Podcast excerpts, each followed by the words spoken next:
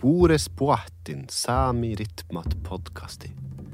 Velkommen til podkasten Samisk rytma. Jeg heter Jakob Jansen, og jeg er en slagverker, produsent og komponist som jakter etter den samiske rytmen. Finnes det samiske rytmer? Eller måter å møtes på musikalsk som er unikt kun for samisk kultur? Det här får vi kanskje svar på i dagens episode. Ola Stinnebom er en samisk multikunstner og utøvende artist. Med kropp, bevegelse, stemme og rytme har Ola Stinnebom arbeida på scenen i over 40 år, og han har over 100 oppsetninger og danseforestillinger på CV-en. Utdanna ballettdanser har det rytmiske og fysiske alltid vært en del av hans fagfelt, og i de siste 25 år har hans fokus vært på samisk scenekunst samt revitalisering av den samiske trommekulturen. Ola er utrettelig på søken etter forståelse og innsikt innen samisk kultur, og har også søkt etter bevis på om samene har dansa, og han har ifølge seg sjøl funnet den samiske dansen. Boka 'Jakten på det tapte samiske dansen' er basert på dette arbeidet. I tillegg til dette har Ola Stinnebom utforska og utvikla den samiske trommetradisjonen, der han i dag jobber med å revitalisere og gjenskape trommen som musikkinstrument. Ola har deltatt med sine nyskapende samiske trommer på flere utstillinger rundt om i Sverige. Ola Stinnebom er også en anerkjent samisk artist, og vant Sami Grand Prix i 2007. Ordet Spoatin, Ola Stinnebom. Kan du fortelle litt om din artistiske vei? Min artistiska väg började... Ja, det började nog väldigt tidigt, för att jag kunde dansa innan jag kunde gå. För min Chichi, hon, hon älskade att dansa. Så jag dansade vals, vet jag, innan jag kunde gå. Så jag har nog dansat sen barnsben, kan man säga. Och tidigt började jag dansa halling. Halling? Ja. Idag är jag pensionerad hallingdansare. Men hallingen ligger mig varmt om hjärtat. Okej. För att min familj i- Sverige är ju då en folkmusikfamilj. Eh, Med rötterna ifrån eh, från Arvika, från eh, Jösse härad med Jössehärspolskan och hela den biten. Så, när folk stöter på mig och börjar förstå att, men vänta nu, Magnus Tinnebom och jag, hur, hur hänger vi ihop? Så efter, efter ett tag måste jag alltid förklara hur, hur det är så. Men i vår familj så var, alltså min chichi Ingrid, hon var, hon var, hon var sami. Och pappa var svensk. Och det gör att vi bröder, vi kan välja. Men vi väljer också så hårt att vi kan också välja att ja, men just nu är jag same. Men sen kanske det inte passar, då kan jag svänga över. Nej, nu kan man köra, nu är jag ju svensk. Så att, och- då kan man förstå, när man tittar på, på Magnus som, är liksom svensk folkmusiker. Han har då valt den, den svenska vägen. Medan jag har valt det, det samiska. Som jag bara ser som en fördel. För att eh, för det, det, är så många, det är så många luckor i den samiska historien. Både historiskt och det som är skrivet och det man pratar om idag. Det här kunskapsglappet. Så när man försöker att sätta sig in i den samiska kulturen och ska förstå dans och musik och jojk så, så vet man inte riktigt vad man ska tro. Läser man det som står i böcker så får man en bild. Och det är oftast en bild utifrån att det var rasbiologer som har tecknat ner historien. Och missionärer på uppdrag från kungen och som har varit uppe, inte för att dokumentera eller bevara, utan det var ju för att man ville liksom avhedna den här liksom fasansfulla kulturen som man såg som, ja, vi var ju djävulens anhängare. Hva det vil bety på norsk? Alltså djävulens... Uh... Han, ja, ja alltså, alltså ett folk, ett folk från, från, från Satan, Satans folk. Och det måste man ha med sig när man, när man tänker tillbaka och vill förstå någonting om den samiska kulturen. då är det, då är det liksom mängder med olika filter och liksom förljugna sanningar och, och bara det här med att liksom, Sverige skriver inte under ILO-konventionen 169 medan Norge gör det. Men rätt vad det är så, så, så går de emot och inte alls ser till att samerna är en del av grundlagen i Norge. Men ändå så kan man liksom vända och vrida på lagen och, och, och helt plötsligt förtrycka sitt eget folk. Och det gör ju då att, att det blir så svårt att förstå. Och det gör ju då att för att komma, komma till insikt så måste man, man måste liksom igenom alla de här lagren för att, för att förstå mer av hur det en gång har varit. Och jag kan prata hur som helst.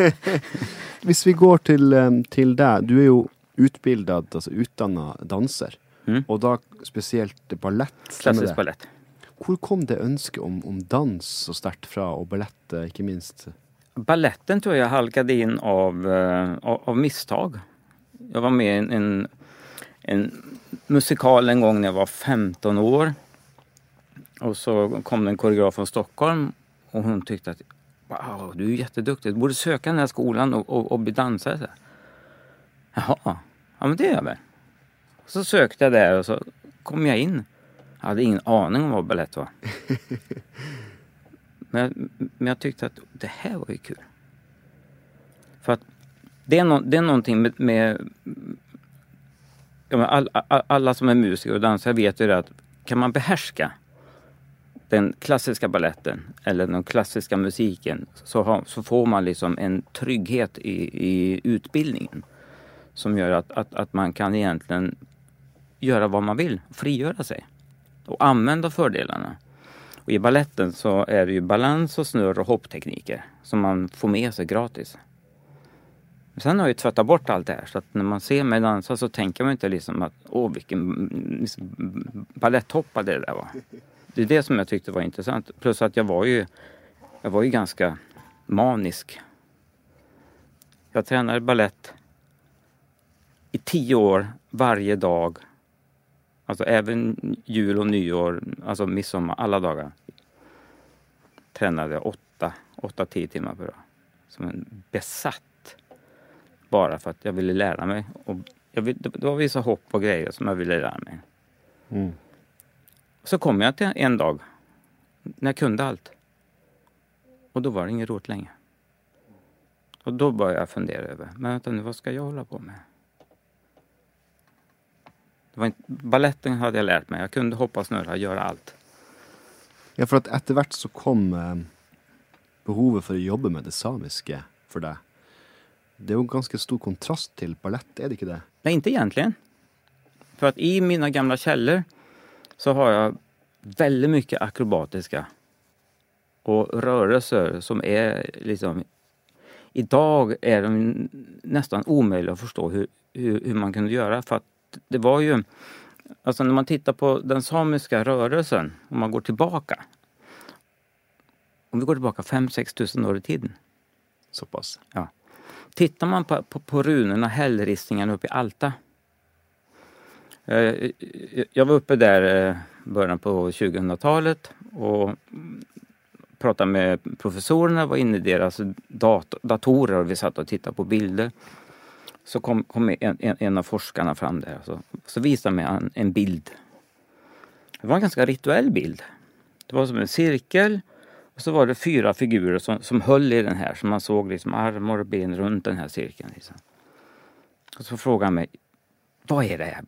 Vad tror du? Vad ser du i det här? Ja, jag funderar på, ja men det här är ju en kuggfråga. Så frågade jag, ja men vad ser ni? Ja men, då, ja, men det här är ju sol, en soldyrkan och de såg att man, man, gjorde, man gjorde solhälsningar och så. Ja, men det ser inte jag. För att två meter längre bort på den här hällen så fanns det en voltande liten figur. Och tittar man på den arktiska urfolken historiskt så har man jobbat med sån här täppekasting. Om man syr ihop massa renskinn och får ett jättestort och så står man liksom en 40-50 personer så kan det stå en, en person som man kan kasta upp i luften Så kasta upp en 6-7-8 meter och så slår de volter. Det är det som är avtecknat upp i Alta för över 6000 år sedan. Och idag pratar man om nycirkus. Men för mig, nej, nej, nej. Det här är urcirkus. Och det här är inte många som vet. Och det kan man också se då i en, en av de samiska beskrivningarna, eh, bröllopsdanser, så jobbar man väldigt mycket med att, att det var ett sätt, alltså det kunde uppfattas som att, som att man bråkade, man brottades. Men det finns en del källor som beskriver det som dans. Men dansen gick ut på att man skulle kasta den som är framför över, som slår volter och landar en två, tre meter bakom. Så det var otroligt akrobatiskt. Och går vi tillbaka till där vi började att prata, när jag började prata om Halling och titta på de här, de här källorna som eh, beskriver en, en akrobatisk så kan man ju lyfta frågan, vem har inspirerats av vem att göra de akrobatiska danserna? För det är samma land. Men vi kan ju, vi kan ju enligt bild och nedteckningar gå tillbaka 6000 år i tiden. Och då vill jag nog hävda att där var vi först. Hvis vi går tillbaka till det efter de här tio åren med enormt ballettfokus och, och enormt hardt arbeid med å mestre ballettens kunster, så går du inn i det samiske. Kan du fortelle litt om eh, hvordan, hvordan var din vei inn? Hvordan, hvordan, hva som fikk deg til å endre så fokus? Jo, men, ja, men det är en ganska rolig historia. Jag gjorde en söknad till Giron Sameteater jag ville forska om den samiska dansen. Och då ville jag göra dans utifrån den samiska kulturen. Så sände jag in den. Så månaderna gick och jag ja, tänkte inte så mycket mer på den. Så plötsligt fick jag, fick jag ett brev tillbaka. Att de hade gjort ett EU-projekt. Så plötsligt fick jag fyra miljoner. Och jag skulle göra samisk dans. Jag har aldrig haft så mycket panik i hela mitt liv. Och där började jag. Litt av en start. Hva du gjorde da? Hvordan startet du da et sånt prosjekt med å finne den samiske dansen? Jag har haft väldigt mycket stöd av, av min bror Leif. Som är, han är folkmusikforskare och vet hur man, hur man forskar och tecknar upp och hur, hur, man, hur man beter sig. Så jag frågade honom om råd. Så han skickade in mig till olika museum på biblioteken. Och där satt jag med och liksom läste och läste och läste. Och jag hittade ingenting. Men helt plötsligt så hittade jag en mening. Som var nedtecknad av O.P. Pettersson 1889 en iakttagelse i Åsele marknad. Att samerna hoppar och dansar livligt. Punkt.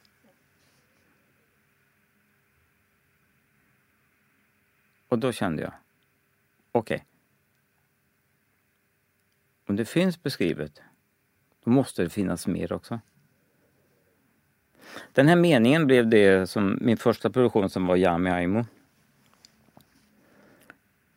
Samerna dansar och hoppar livligt. Och då började jag att läsa allt vad jag kunde komma över. Och det är ganska mycket skrivet om den samiska kulturen. Man säger att eh, vi är det folk man har skrivit mest om av alla i hela världen. och, och det här har jag funderat över, men, men varför då?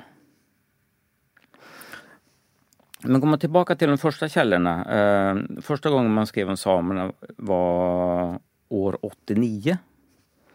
Eh, en romersk historieskrivare vid namn Tacticus. Eh, han var väldigt fascinerad av att det fanns ett folk som levde uppe på tundran på isen. Och där fanns, det var ett jämställt folk. där mannen och kvinnan gjorde ungefär samma saker. Och de hade skinnkläder.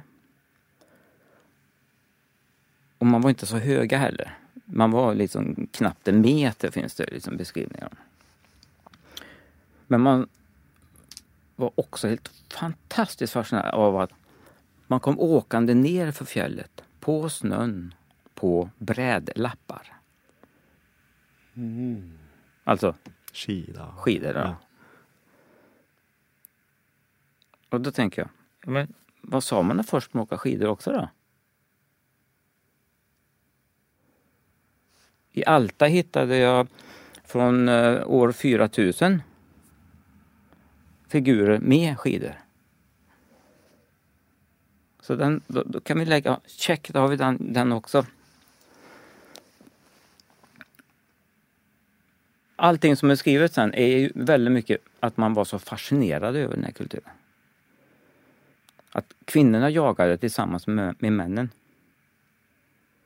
Sen, sen är det väldigt mycket liksom, ner, liksom det är ju väldigt rasistiskt liksom.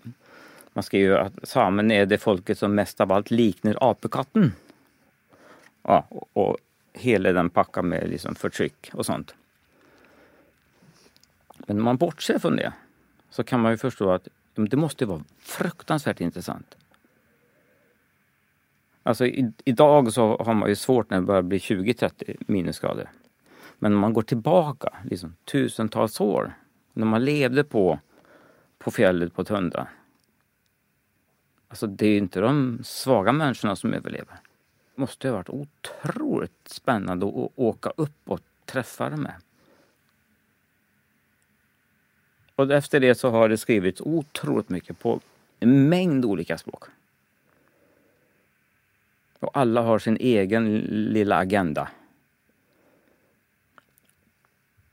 Och jag brottas ofta med problemet med att utifrån olika religioner så är förtrycket oli, o, olika starkt. Men, men värst var ju...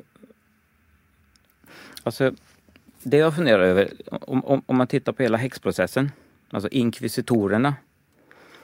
Det här kom ju till eh, 1328, 1330 så fanns det en, eh, en av påvarna. Eh, ja, det är många, många gubbar och årtal där som jag, som jag inte har uppdaterat. Men han var den första som införde det här med att eh, införa inkvisitorer. För att på den tiden så fanns det väldigt många olika sätt att se på liksom, katolicismen. Som man hade väldigt, väldigt svårt för.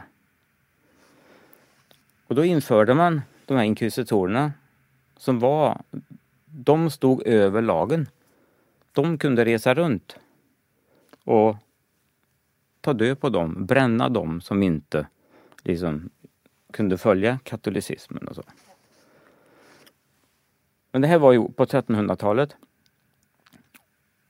Och efter år, år, år, år, säg 200 år när man kom upp till 1500-talet så hade man ju liksom snöat in på, på kvinnorna och häx, häxorna.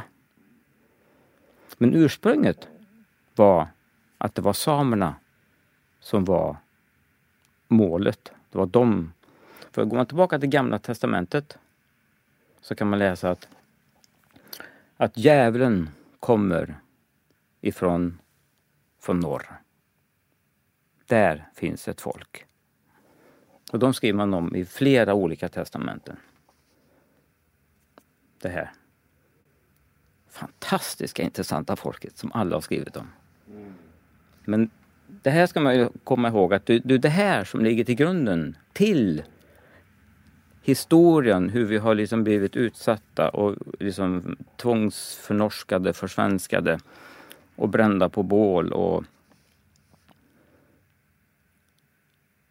det är så djupt förankrat att redan i Gamla Testamentet så var vi utmålade som Satans anhängare. Finnes det samiske bevegelser, Ola? Hva har du lært deg om denne forskninga, den jakten på kunnskap? Jo, Den ursprungliga samiska rörelsen.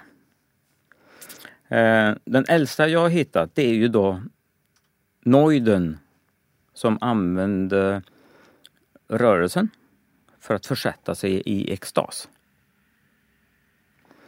För att eh, det universella med alla, alla arktiska urfolk det är att man behöver försätta sig i trans för att kunna resa sen till andra världar. Och där har jag extremt mycket gemensamma och olika beskrivningar över den här rituella noidens extasstans. Att han far omkring lågt nere på, på, på golvet, på knä. Ibland så har han trumman mot knäna, man springer omkring som en galning liksom. Eh, ibland så skriver man att han använde liksom rus och han, han drack syra och liksom allt möjligt för att komma in i den här liksom föreställningsvärlden. Då. Alla extasdanser slutar med att Neuden faller till marken och blir liggande som om han vore död.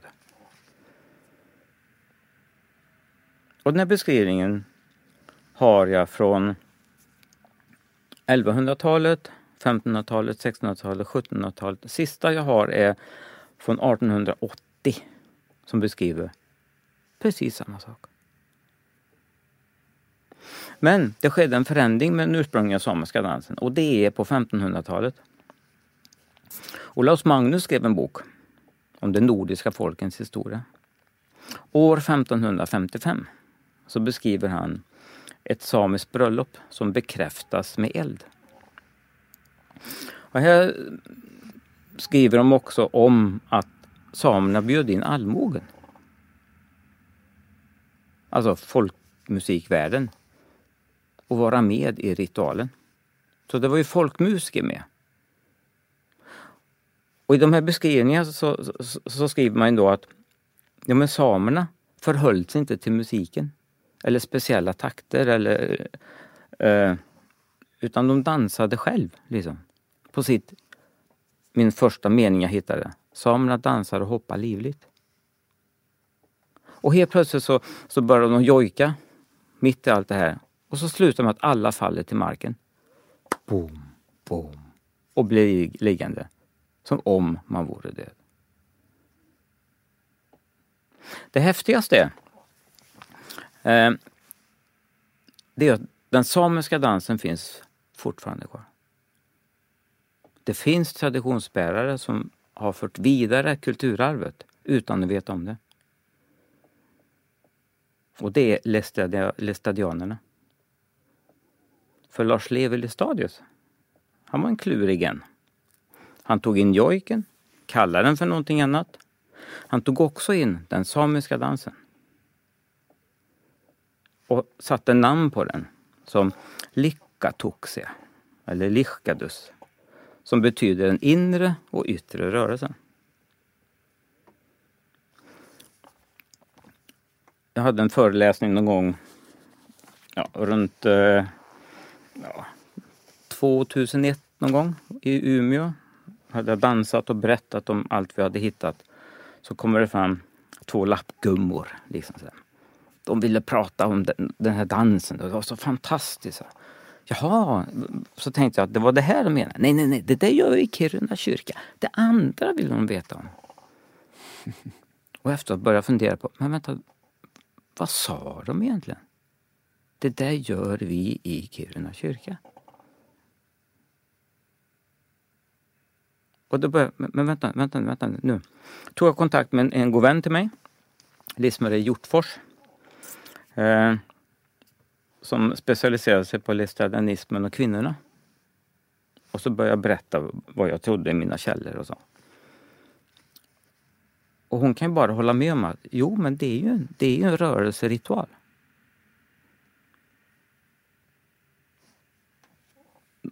man talar om att de talar i tungor och de går upp och börjar liksom ja, jojka och skrika.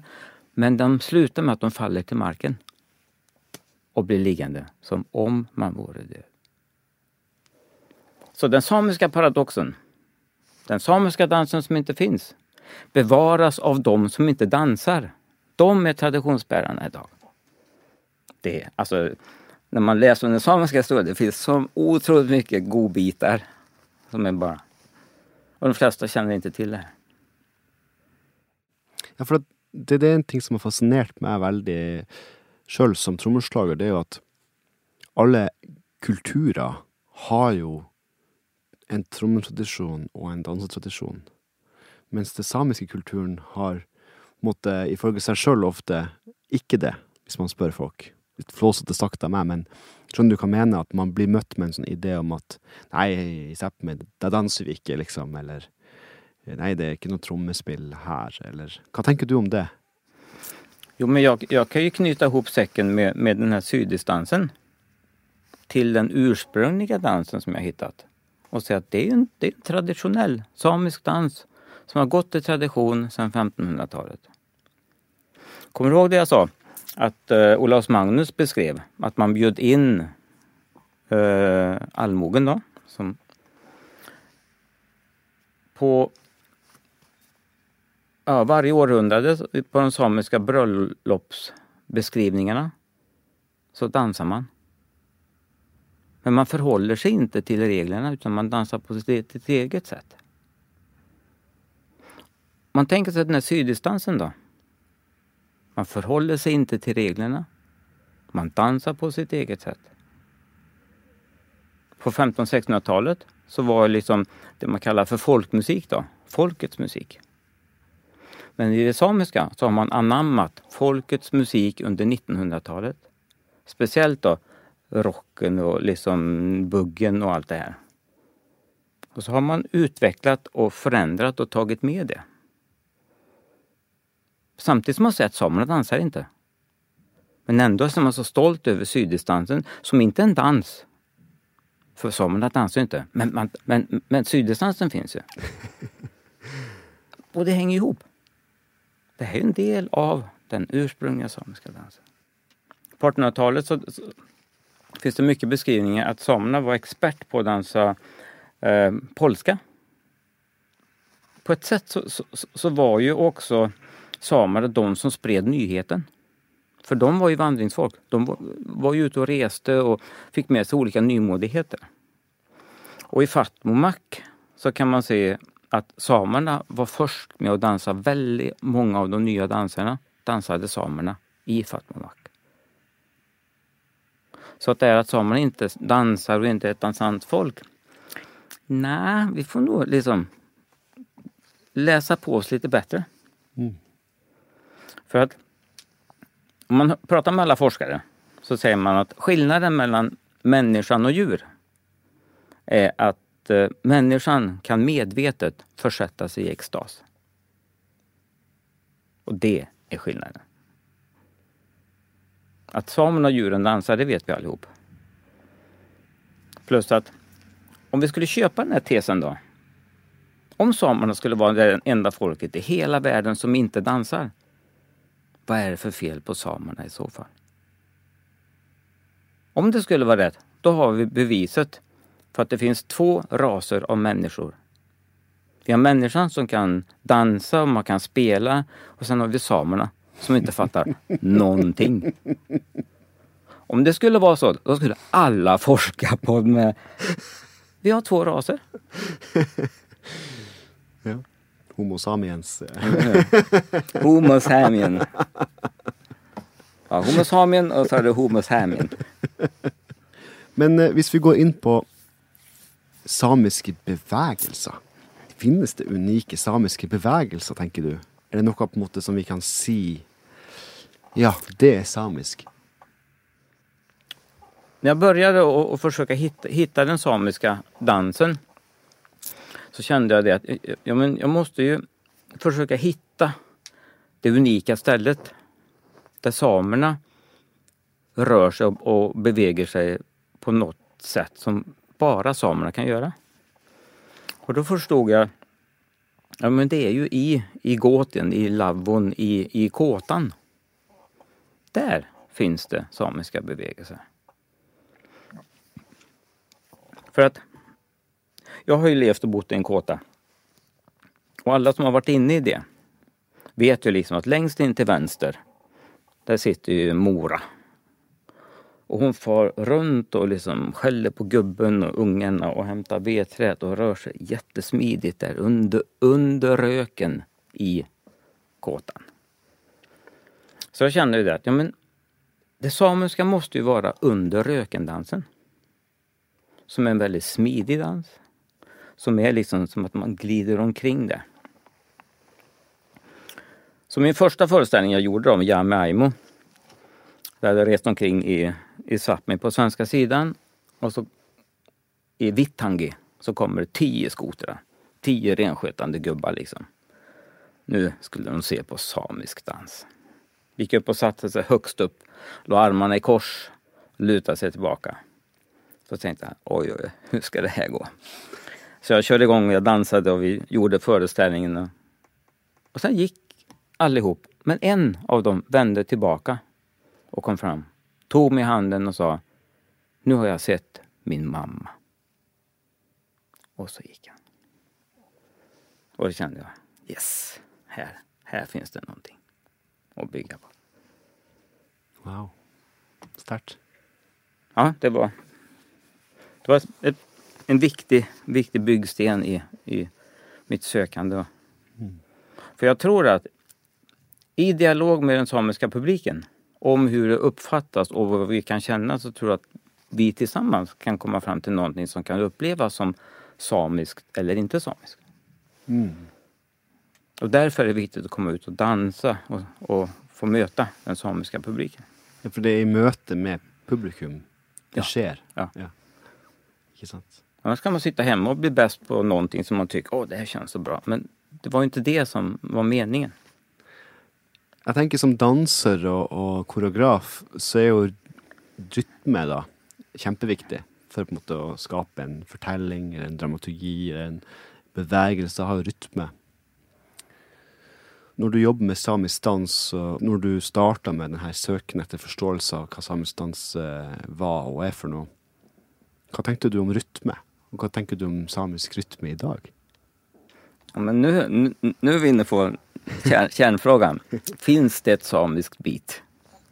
Hur spelar man på den samiska trumman? Och det är ju liksom 10 000 kronors frågan som man sa förr i tiden. Men den, den är väldigt intressant. Men jag gillar att gå tillbaka historiskt. Samerna har levt i samklang med allmogen i flera hundra år. På svenska sidan, den största och främsta folkmusikern var Lappnils. Uh, Finnskogen, som kom från Savolax över till liksom både Sverige och Norge i Finnskogen var ju samättlingar. Och det gör ju då att vi måste våga och se att folkmusiken och den samiska jojken har ju mötts och länkats ihop. Det finns polskor som, eh, som man jojkar i, i, i Därna sida och uppe i Gällivare har jag konkreta bevis. Där man både jojkar en polska men också man kan spela en polska. Intressant. Sen så hörde jag när jag pratade med Anders Norde, folkmusiker, mm, han är med och har spelat i Hedningarna. Han hade en föreläsning om att det var en spelstil ner, ner mot, eh, ja, nära Örebro och där kring som, som var ganska avancerad. Och helt plötsligt bara, så slutade den mitt i. Den bara tog slut sådär. Och så tänkte jag, ja men så, så, så gjorde man ju med jojken också. För samerna flyttade ju ner ifrån Alltså man måste se historiskt för att förstå de här, för att kunna svara på de här frågorna, för att, hö, för att höra och förstå. Samerna kom ner till Sverige kom till eh, ska vi se, Kristinehamn 1632 när man invigde Kristinehamn så var samerna med. Det har varit väldigt mycket samer i Värmland. Runt hela Vänern, i Arvika och ut med Klarälven och med Svedjefinnarna. Eh, troligtvis så flydde man ju silvergruvan som man hittade. Med tvångsarbete och allt det här. Som gjorde att, att, att man drog sig ner.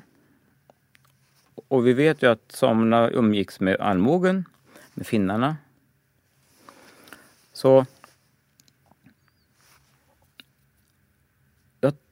tror att svaret finns i mötet.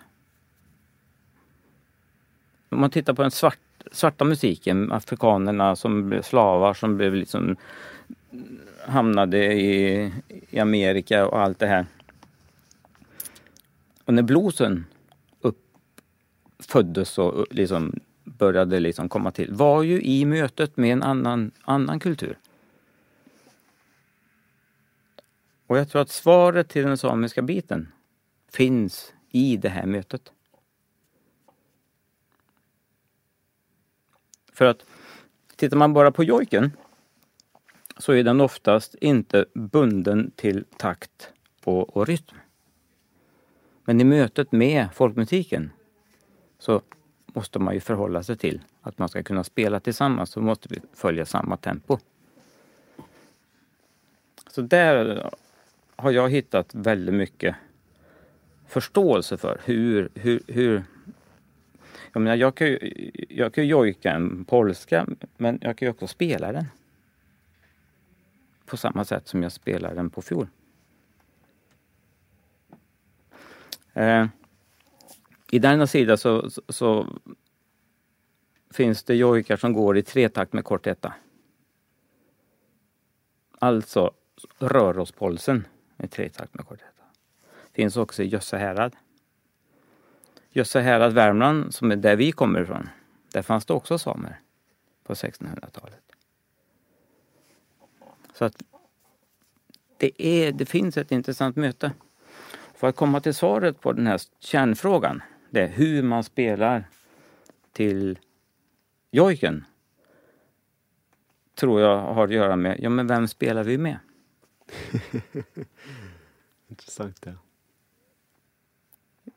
Ja, men det vet du också när du spelar med olika band. Om, om, om du har massa liksom, afrikanska musiker så hamnar du i den världen också. Mm. Och det funkar ju det med. Och jobbar du med musiker från en annan del, en annan tradition, så, så anpassar man sig till det. Det är det som är människans liksom gåva. Att vi kan, vi kan mötas och vi kan liksom in, inspireras och vi kan liksom lära på nytt. Så att man ska nog glömma det här med liksom, liksom oh, samerna spelar bara liksom eller vad det nu är. Utan att nej, det är nog ett, svaret är ett möte i relation till andra.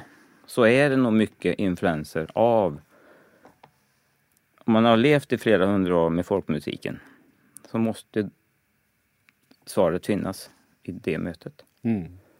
Men du som är både artist, konstnär, danser, joiker, dojar.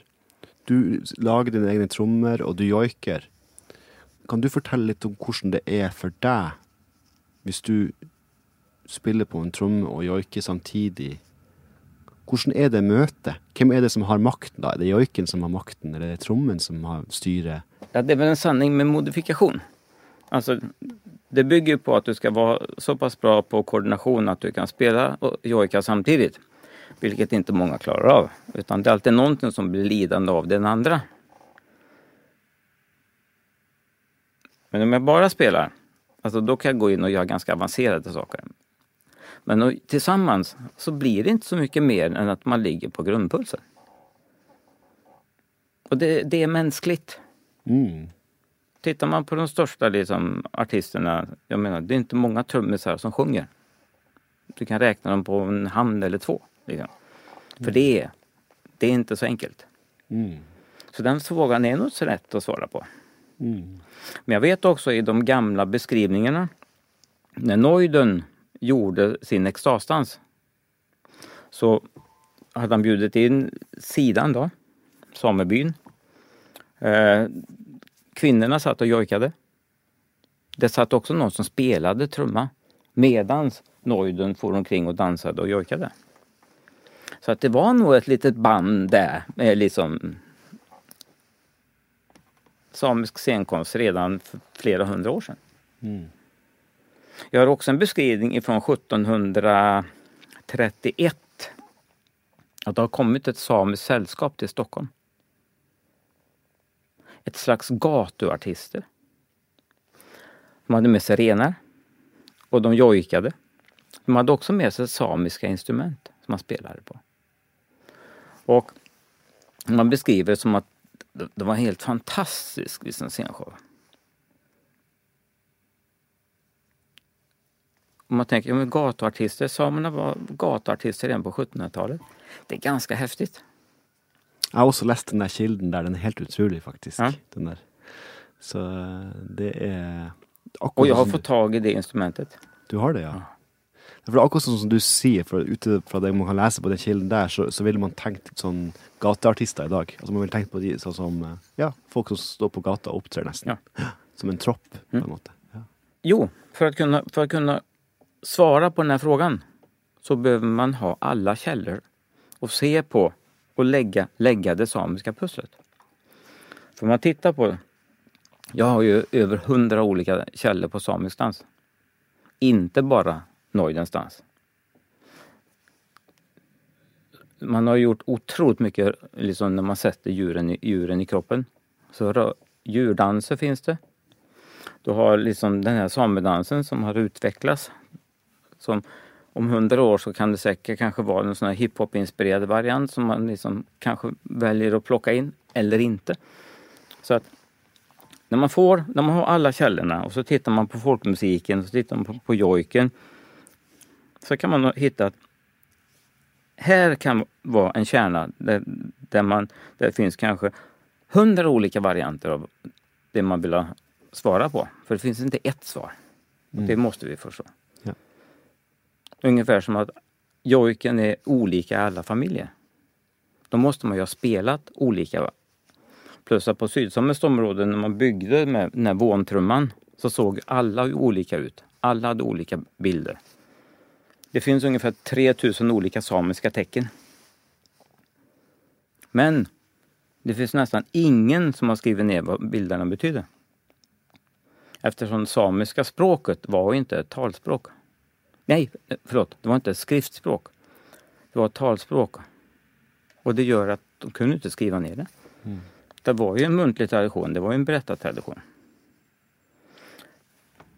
Men man ska också komma ihåg att när man väl vill söka efter de här källorna så Gustav Vasa är den stora boven då. I Sverige vill man hylla honom nu. Sverige fyller 500 år och allt det är fantastiskt. Han är den största boven i dramat. För 1536 ja, så bestämde Gustav Vasa själv att den de man kallar för den vita magin i Sverige. Det här med skrönor och skrömt och tomtar och troll och allt det här. Som en del, jättestor del av både den norska och svenska traditionen. Att det har funnits det här mytologiska, att man kan få tro på de här folken som bor nere i jorden och marken och allt det här. Gustav Vasa bestämde att allting blev svart magi. Och det var därför som häxprocessen eskalerade också. För då drog man alla över en kallt. Och då slutade man ju liksom och, och, och prata högt om de här liksom tomtarna och trollen och eh, skogsroa och Näcken och allt vad det kan vara. Så var en del av det nordiska. Så att när samerna, som också höll på med sin spådom och trolldomskonst, så passade det ju väldigt bra in. Det var ju en, en, en djupare och en, en ännu kanske mycket tyngre dimension. Men det hängde ju ihop med det här med tomtarna och skrönor och man kokade häxkittlar och allt vad det var. Jag håller på att skriva en bok och det- blir många böcker tror jag för att kunna svara på frågan. För man måste sätta det i ett sammanhang. La oss gå inn på eh, ditt arbeid eh, med de samiske trommene. Først, hvor oppstod ønsket ditt om å jobbe med, med det temaet, og, og med trommer som tema? Eh, jo, jag började jobba med trumman för att jag hade jag hade stannat, stannat i min utveckling om den samiska dansen. Jag kom inte längre. Och jag kände att nej men jag måste... Dels var jag tvungen att lära mig jojka. För jag ville sätta jojken i kroppen. För då kan jag få en ännu häftigare dimension på, på, på rörelsen. Ungefär samtidigt så kände jag också att ja, men jag, måste, jag måste bygga mina egna trummor. För att förstå hur trumman, dansen och jojken har hängt ihop. Det jag säger, den samiska treenigheten. När jag, när jag har varit ute och rest i världen och på urfolksfestivaler så träffar man urfolk. Alla dansar jojka och spelar. Och man sitter där som ett fån och vet inte vart man ska ta vägen ungefär. Spelar ni någonting? Mm, mm, ja. Mm. Alltså så pass mycket har staten och storsamhället förstört. Alltså de har ju tagit död på hela vår historia.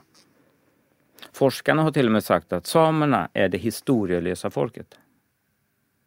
Så pass mycket har man tvättat och förfalskat och förändrat och tryckt tillbaka. Så att vi har egentligen inte så mycket av vår egen kultur. Och det gör att det är, det är jättesvårt. Och när jag skulle bara bygga trummor så här, det fanns ju ingen att fråga. Så jag tänkte, ja men jag får börja bygga själv då. Learning by doing. Gör om och gör rätt. Så att av de första 200 förstörde jag och byggde om igen. Första 200? Jag har gjort några hundra. Och nu börjar jag förstå hur jag ska jobba med materialet. Alltså, göra ett svep och sätta på ett skinn, det kan vem som helst göra. Det är inte så svårt. Men för att förstå trumman så måste man förstå kulturen. Du måste förstå slöjdens funktion. Vad betyder de här tillhängen som finns på trumman? Gå tillbaka till de gamla beskrivningarna så finns små, små pusselbitar.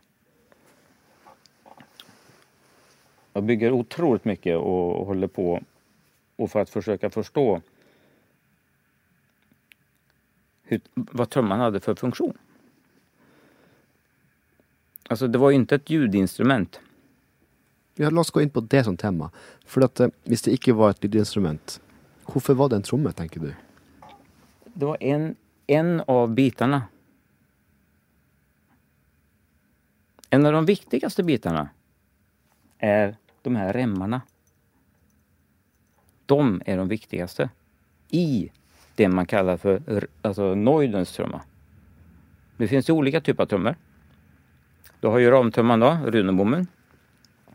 Du har ju den här våntrumman som man hade på sydsamiskt område. Eh, du har skåltrummorna.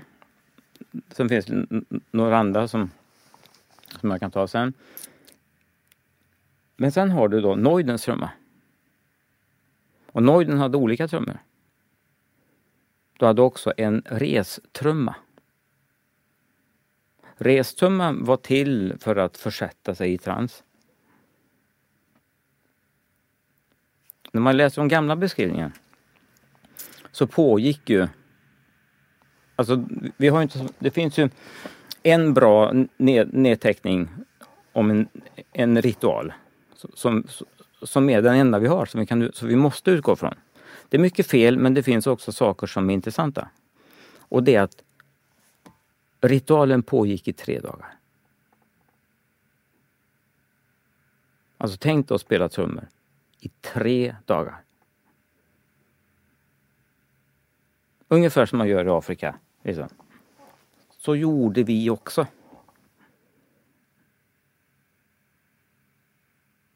Så trummans funktion var ju att sätta människan i trans. Men för att kunna resa till andra världar så måste vi använda rörelsen för att försätta kroppen i extas. Och så hade man bjudit in sina kompisar, musikerna, spelmännen och det. Det var nog värsta festivalen liksom.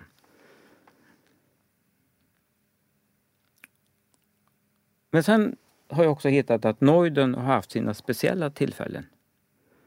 När Neuden reser iväg fysiskt, ger sig iväg till fjället med flera av sina andra Neud-kompisar då. Och gör sina stora ritualer. Och här måste man ha lite fantasi. Liksom. Utifrån källorna, utifrån vad man förstår. Och det var ungefär så jag hade en föreläsning för många av de samiska trumforskarna. De ville att jag skulle komma och berätta. Eh, och så sa jag det att Men har ni byggt er egen trumma? Nej, nej, nej, jag har inte gjort det. Gör det. Gör det. Och börja lyssna på dem. Varför ser den ut så här? Vad händer med ljudet när man spelar på olika ställen? Liksom? Man har aldrig ens tänkt tanken. Allt det här rasslet som finns. Så, så, som man tänker, jo men det blir inget rassel när de hänger nedanför. Men vänd dem om så att de kommer åt på trumman. Plus att tittar man på en del former som man jobbar med, jobbar med, jobbar med trumman. Så de här hålen under är ju till för att få ut ljudet.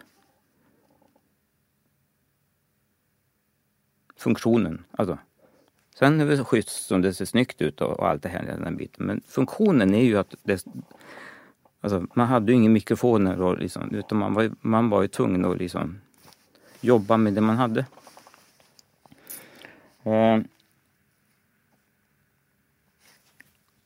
Plus att när jag jojkar de gamla jojkarna i skinnet så sjunger trumman så får du en helt annan resonans. Och de gamla jojkarna funkar så fantastiskt bra att jojka en trumma. Så man måste, man måste alltså labba, man måste labba, leka, prova. Intressant. Plus att det har funnits en tid i historien, ja, när Gustav Vasa då, boven i dramat. Eh, han bestämde att allting blev svart magi. Man införde dödsstraff och man avrättade samerna. I Sverige var det inte så många, men i Norge har jag hittat att upp med 80 stycken brände man på bår. Och det ryktet spred sig, spred sig ju i det samiska samhället, såklart. Och det gjorde nog att tiden innan så var det nog de här stora tummarna man spelade och det dånade liksom. Det var det här som man förväntar sig. Det var nog skithäftigt att vara med. Men sen blev det en tyst kultur. För att lagen var utformad så att om man hörde någon eller stötte på någon som använde en trumma var man tvungen att förstöra den och bränna upp den Annars kunde man själv bli dömd för hedendom och bli avrättad. Så det gjorde ju att därav de här tummarna som inte låter så mycket. Så det är det jag menar med, ja men man ska inte tänka för mycket instrument utan man måste komma ihåg vad var funktionen? För det var ett spåinstrument, ett exaltationsinstrument. Men det var också ett musikaliskt instrument. Varför tror du det var viktigt att det var ett musikaliskt instrument? Annars hade man inte byggt en trumma. alltså, allt det här med många som säger att det, det är inte en trumma, det, det, det är en bibel. Det är satans bibel, säger Ja, men om det nu var en bibel samerna skulle bygga, inte är de så jävla dumma att de gör fel i 5, 6, 700 år Fan, skriv en bok liksom. Om det nu var liksom. Men såklart att det, det är en trumma. Färdig med det. Det, får man, det är bara att tugga i sig. Men förtrycket och självförtrycket är enormt. De som kommer idag och liksom, det är satans redskap. Det är kanske de som är de mest religiösa. För många i Sápmi, när det verkligen hettar till, då är de så religiösa så in i bäng. Vi snakka litt om eh, hvordan man spilte på tromma. Ja, Kan du fortelle litt mer om det? Man har jo en hammer. ja eller hade man det? Fortell gjerne Samerna reste ju med vikingarna. De var på Island. De var på Gotland. De reste över hela världen. De var med och byggde båtarna. Samerna var ju, var ju de som var rikast. De var köpmännen. Och varför då? Jo, för de hade ju tillgång till päls. Päls var hårdvaluta. Plus att de hade ju den här kunskapen om magin, de kunde bygga båtar och allt det. Så de hade ju en otroligt hög status. Vad händer när man lever tillsammans med någon kultur? Jo, man inspireras av varandra. Tittar man på den här hammaren så tittar du på Tors hammare från vikingatiden. Hur många likheter hittar du? ganske mange likheter, ja. Och det måste vi acceptera. Samerna har levt tillsammans med andra och då har man inspirerats av varandra. Den här hammaren är intressant. Men jag har också hittat att man har gjort egna samiska alltså, trumstockar. De har jag snöat in på. Och de är mycket mer rituella. Och där finns det också en relation till trumman. I utförandet av den här trumpinnen som man oftast gjorde i renhorn så fanns det figurer och tecken. Som en pangdang då, som en återkoppling till bilderna på trumman. De tycker jag är intressanta. De gillar jag. För det är någonting med Tors hammare som, som inte stämmer med traditionen. För den är utformad ungefär som en, som en ett handtag till en eh, sån irländsk trumma med två huvuden. Ja, ikke sant? Spela inte på två huvuden på en, på en samisk trumma. Funktionen stämmer inte överens med utförandet. Så man har en yta som man träffar på. Inte åt två olika håll. Så det gör ju att ja, men här har man inspirerat och det har kommit ifrån någonting annat enligt mig. Så tänker jag.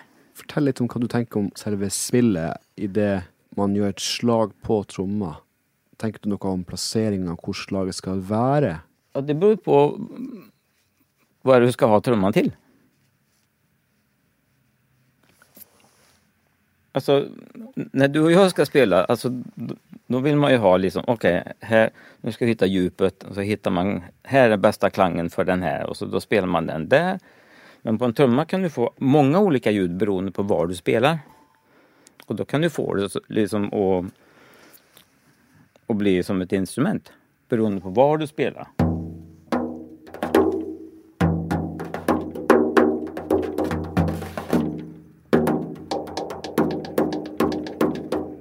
Så att det beror på lite grann. Mm. Så att det, är, det finns inga enkla svar. Utan ah, man måste se helheten. Mm. Och det är nog inte ett svar, utan det är nog många. Enn med joiken, da? Joiker man med tromming? Eller ser du på de her to grenene som atskilte? Man har nog provat sig fram. Som man gör. Alla musiker provar ju och leker med sitt instrument och liksom, okay, hur kan man använda det här? Och samerna har ju varit otroligt kreativa. Eh, jag fick ifrån en kompis en förklaring. Han hade hittat att samer i Finland hade satt strängar på kokgrytan och spelat på den för att få strängljud. för stränginstrumentet har varit viktigt i det samiska. Enligt källorna. Väldigt mycket stränginstrument. Säkert för att man har umgåtts med mycket liksom trubadurer som spelar på olika stränginstrument och så. Men trumman har, har, är nog väldigt mycket nojdens redskap. För att kunna liksom se in i framtiden, kunna förstå och kunna liksom hjälpa folk. Och, men även kunna försätta sig i trans. Och, kunde man då sitta och jojka för sig själv också. Liksom, sitta och, som alla musiker och liksom, sångare gör. Man spelar ju och låter hela tiden.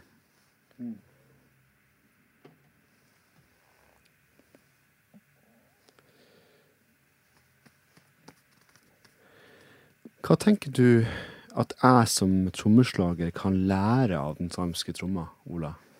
Hvis jeg skal bli bedre til å spille med samiske artister eller samiske joikere? Det var en bra fråga. Det tror jag du kan svara bäst på själv. Du har jo eh, jobba så mange år med forskjellige grener, altså fra joik til artistkarriere, til dans og scenekunst, og, og som eh, doyer. Så du har på en måte bredt perspektiv på den samiske kulturen, da. Mm. Eh, Og meg som trommeslager å møte eh, joik, blir sånn nysgjerrig på Er det noe type Hvis jeg skulle spille med deg, og du skulle gjøre en tradisjonell joiking, er det noe som du ville tenkt automatisk ikke ville fungert bra, eller ville ikke følt eh, eh, riktig for deg? Det er vel sikkert noen trommelyder eller trommespill som kanskje kan føles uorganiske, eller som kan føle at det, åh, det her er ikke helt Jo, men man ska komma ihåg det. Det är ju möten med, med andra traditioner som det uppstår unika nya uttryck. Så man ska nog inte, man ska nog inte liksom begränsa sig utan man ska nog våga vara fri. Tror jag. Så mer galskap.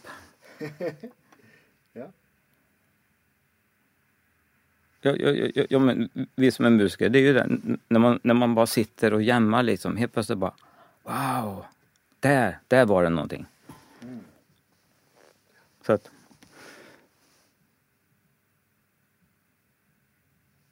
Men jag tror det är olika för olika beroende på hur man spelar också. Alltså, jag, jag, jag spelar väldigt mycket med, med fingrarna och jobbar väldigt mycket.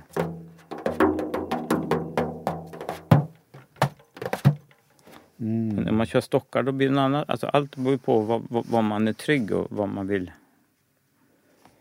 Så att det är nog olika. Men eh, utmaningen är väl att spela en jojk Ja. utan jojk. Utan joik. Ja. At joiken lever utan Ja. Det är väl, det är väl som jag sa när, när jag höll på med dansen. Så var ju målet det att jag vill kunna dansa en jojk i tystnad.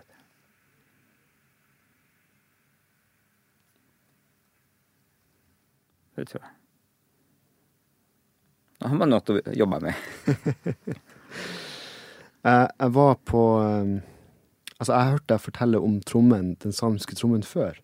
Og da husker du sa en ting som eh, satt ved meg, og som jeg likte veldig godt. Mm. Og du sa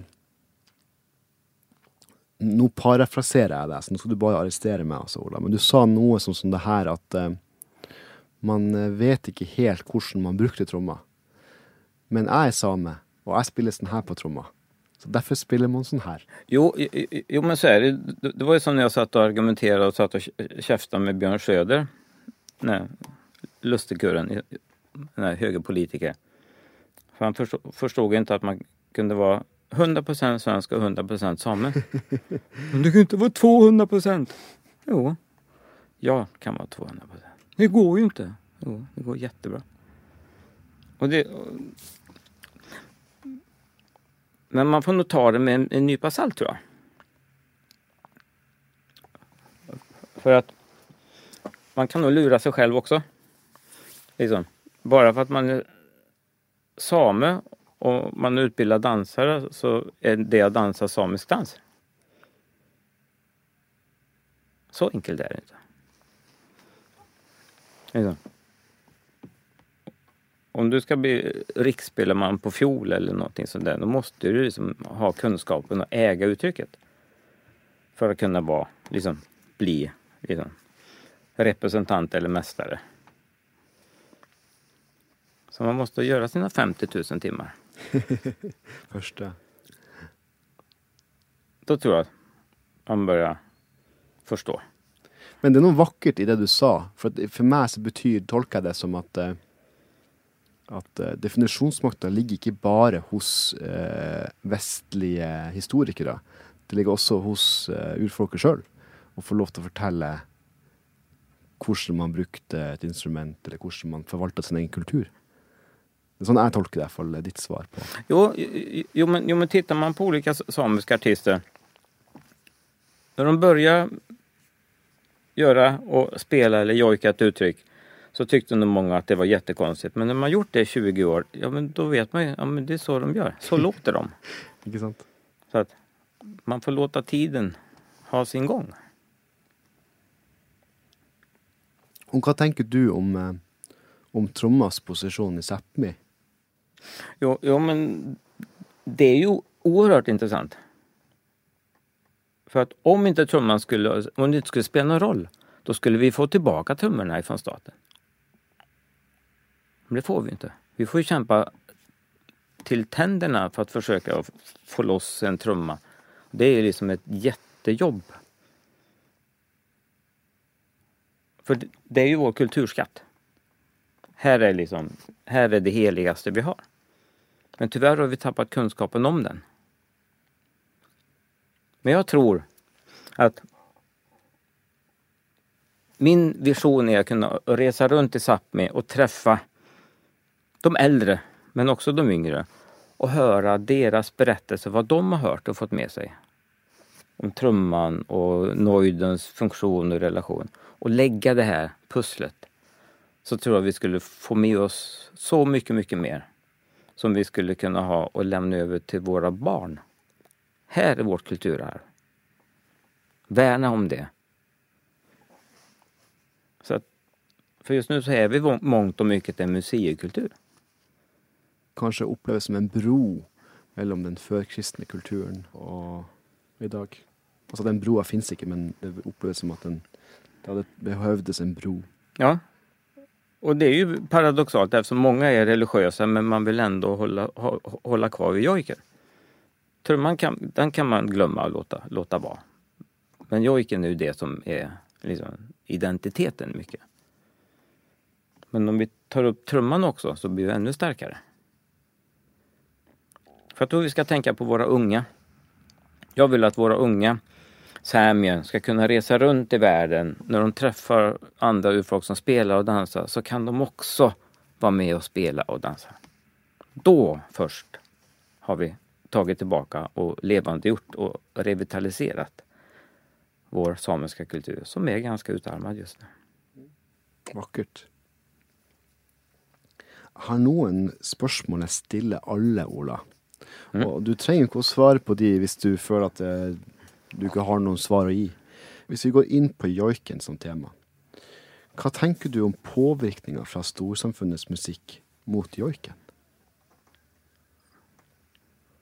Ja, det är ett nödvändigt ont, tror jag. Det är den tiden vi lever i. Och jag tror att det är viktigt att, ja, men speciellt vi måste se till de unga.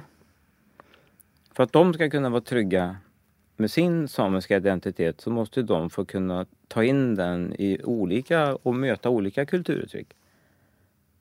Vi blir inte mindre samer för det. Jag menar, om man jojkar till Carola eller vad, vad den är liksom.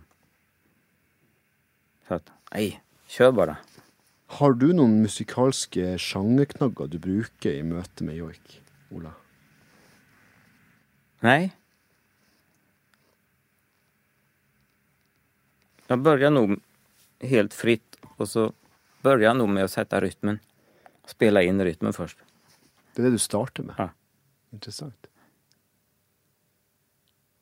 Och sen bygger jag på. Om jag inte jobbar med min dotter för då kan hon säga hon ska göra liksom R&B eller hon ska rappa liksom. Okej, okay, nu kör vi liksom bara. Okej, okay. då gör vi det. Intressant alltså. Vad tänker du om populärmusikens rytmik kontra joikens rytmik? Jo, men det är, det är nog det vi lever idag. Ska du jojka till, till ett band så måste man lägga sig under de premisserna hur det är att spela med ett band. om man vill bli jämställd. Jag menar, om man kan spela, spela i en grundton och håll, hå- hålla en tonart i relation till rytmen så då får man jobba. Och det tar tid.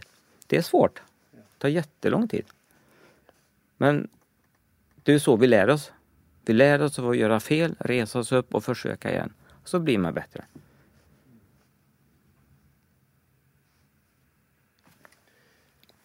Du har jo svart på det her eh, før, om det finnes en trommetradisjon i møte med joik. Sånn som jeg opplever eh, det vi snakka om før, så gjør det det. Ja, men gå tillbaka till hällristningarna. Det finns ju trumman på bild. Och jojken är den äldsta sånguttrycket i Europa. Så att eh, check på båda två.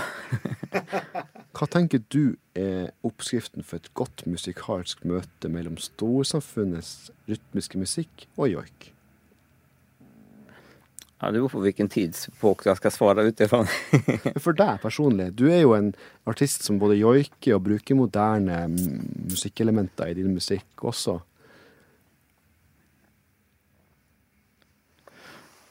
Jo, men det är väl... Det är väl om jojken får vara lead och det är jojken som är det, den som ska vara liksom stjärnan så måste de andra underordna sig det. Annars blir vi ett instrument eller att man färgar en annan artist som tyvärr ofta blir. Även om man vill använda möten med andra artister som dragplåster för att man kanske får fler spelningar och allt det. Men om man ska vara ärlig, ska, om man vill att det är jojken och det är ska, ska lyftas, då ska det vara utifrån att här är stjärnan. Och då får alla andra under, underordna sig det. Det är ungefär som att titta på 1984 när man gjorde We Are The World. Det var Michael Jackson som var kungen och styrde. Och alla inordnade sig. Och det är hans uttryck. Och alla bara. Och då lyfter den. Och det svänger som bara det. Men det måste vara man måste vara enig om att ja, men det är det här. Så här är stjärnan i uttrycket. Och det vet jag inte om vi har hittat än. Men det fanns, det fanns en... Det måste jag komma tillbaka till. Det finns ju en skiva.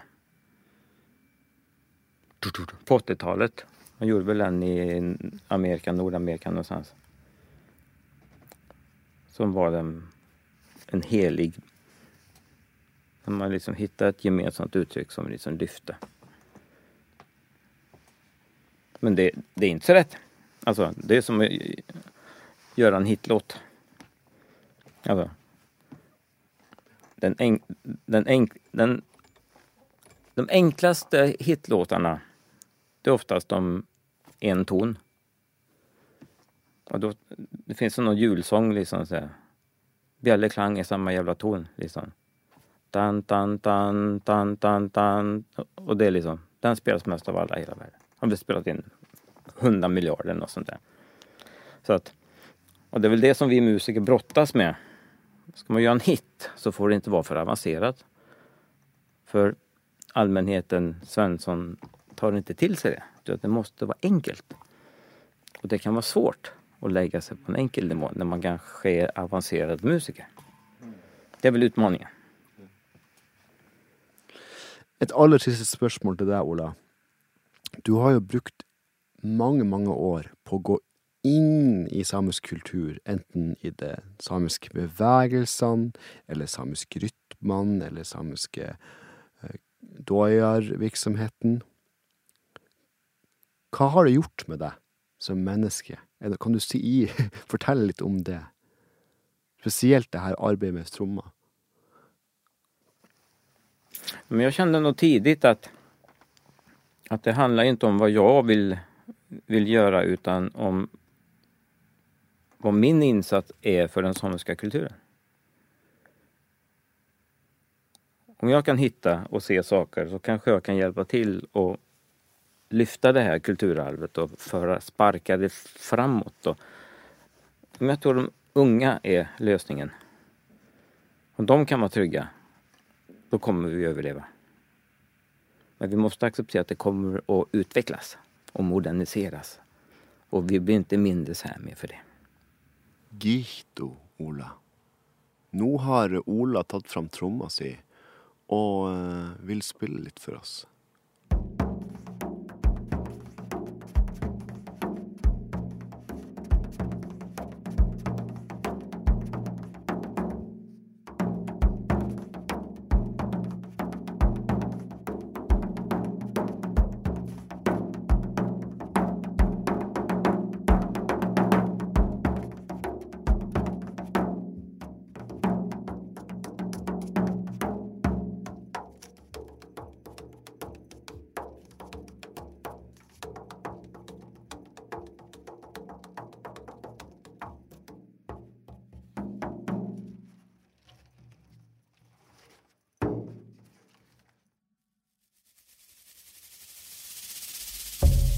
Tusen takk for at du har lytta på.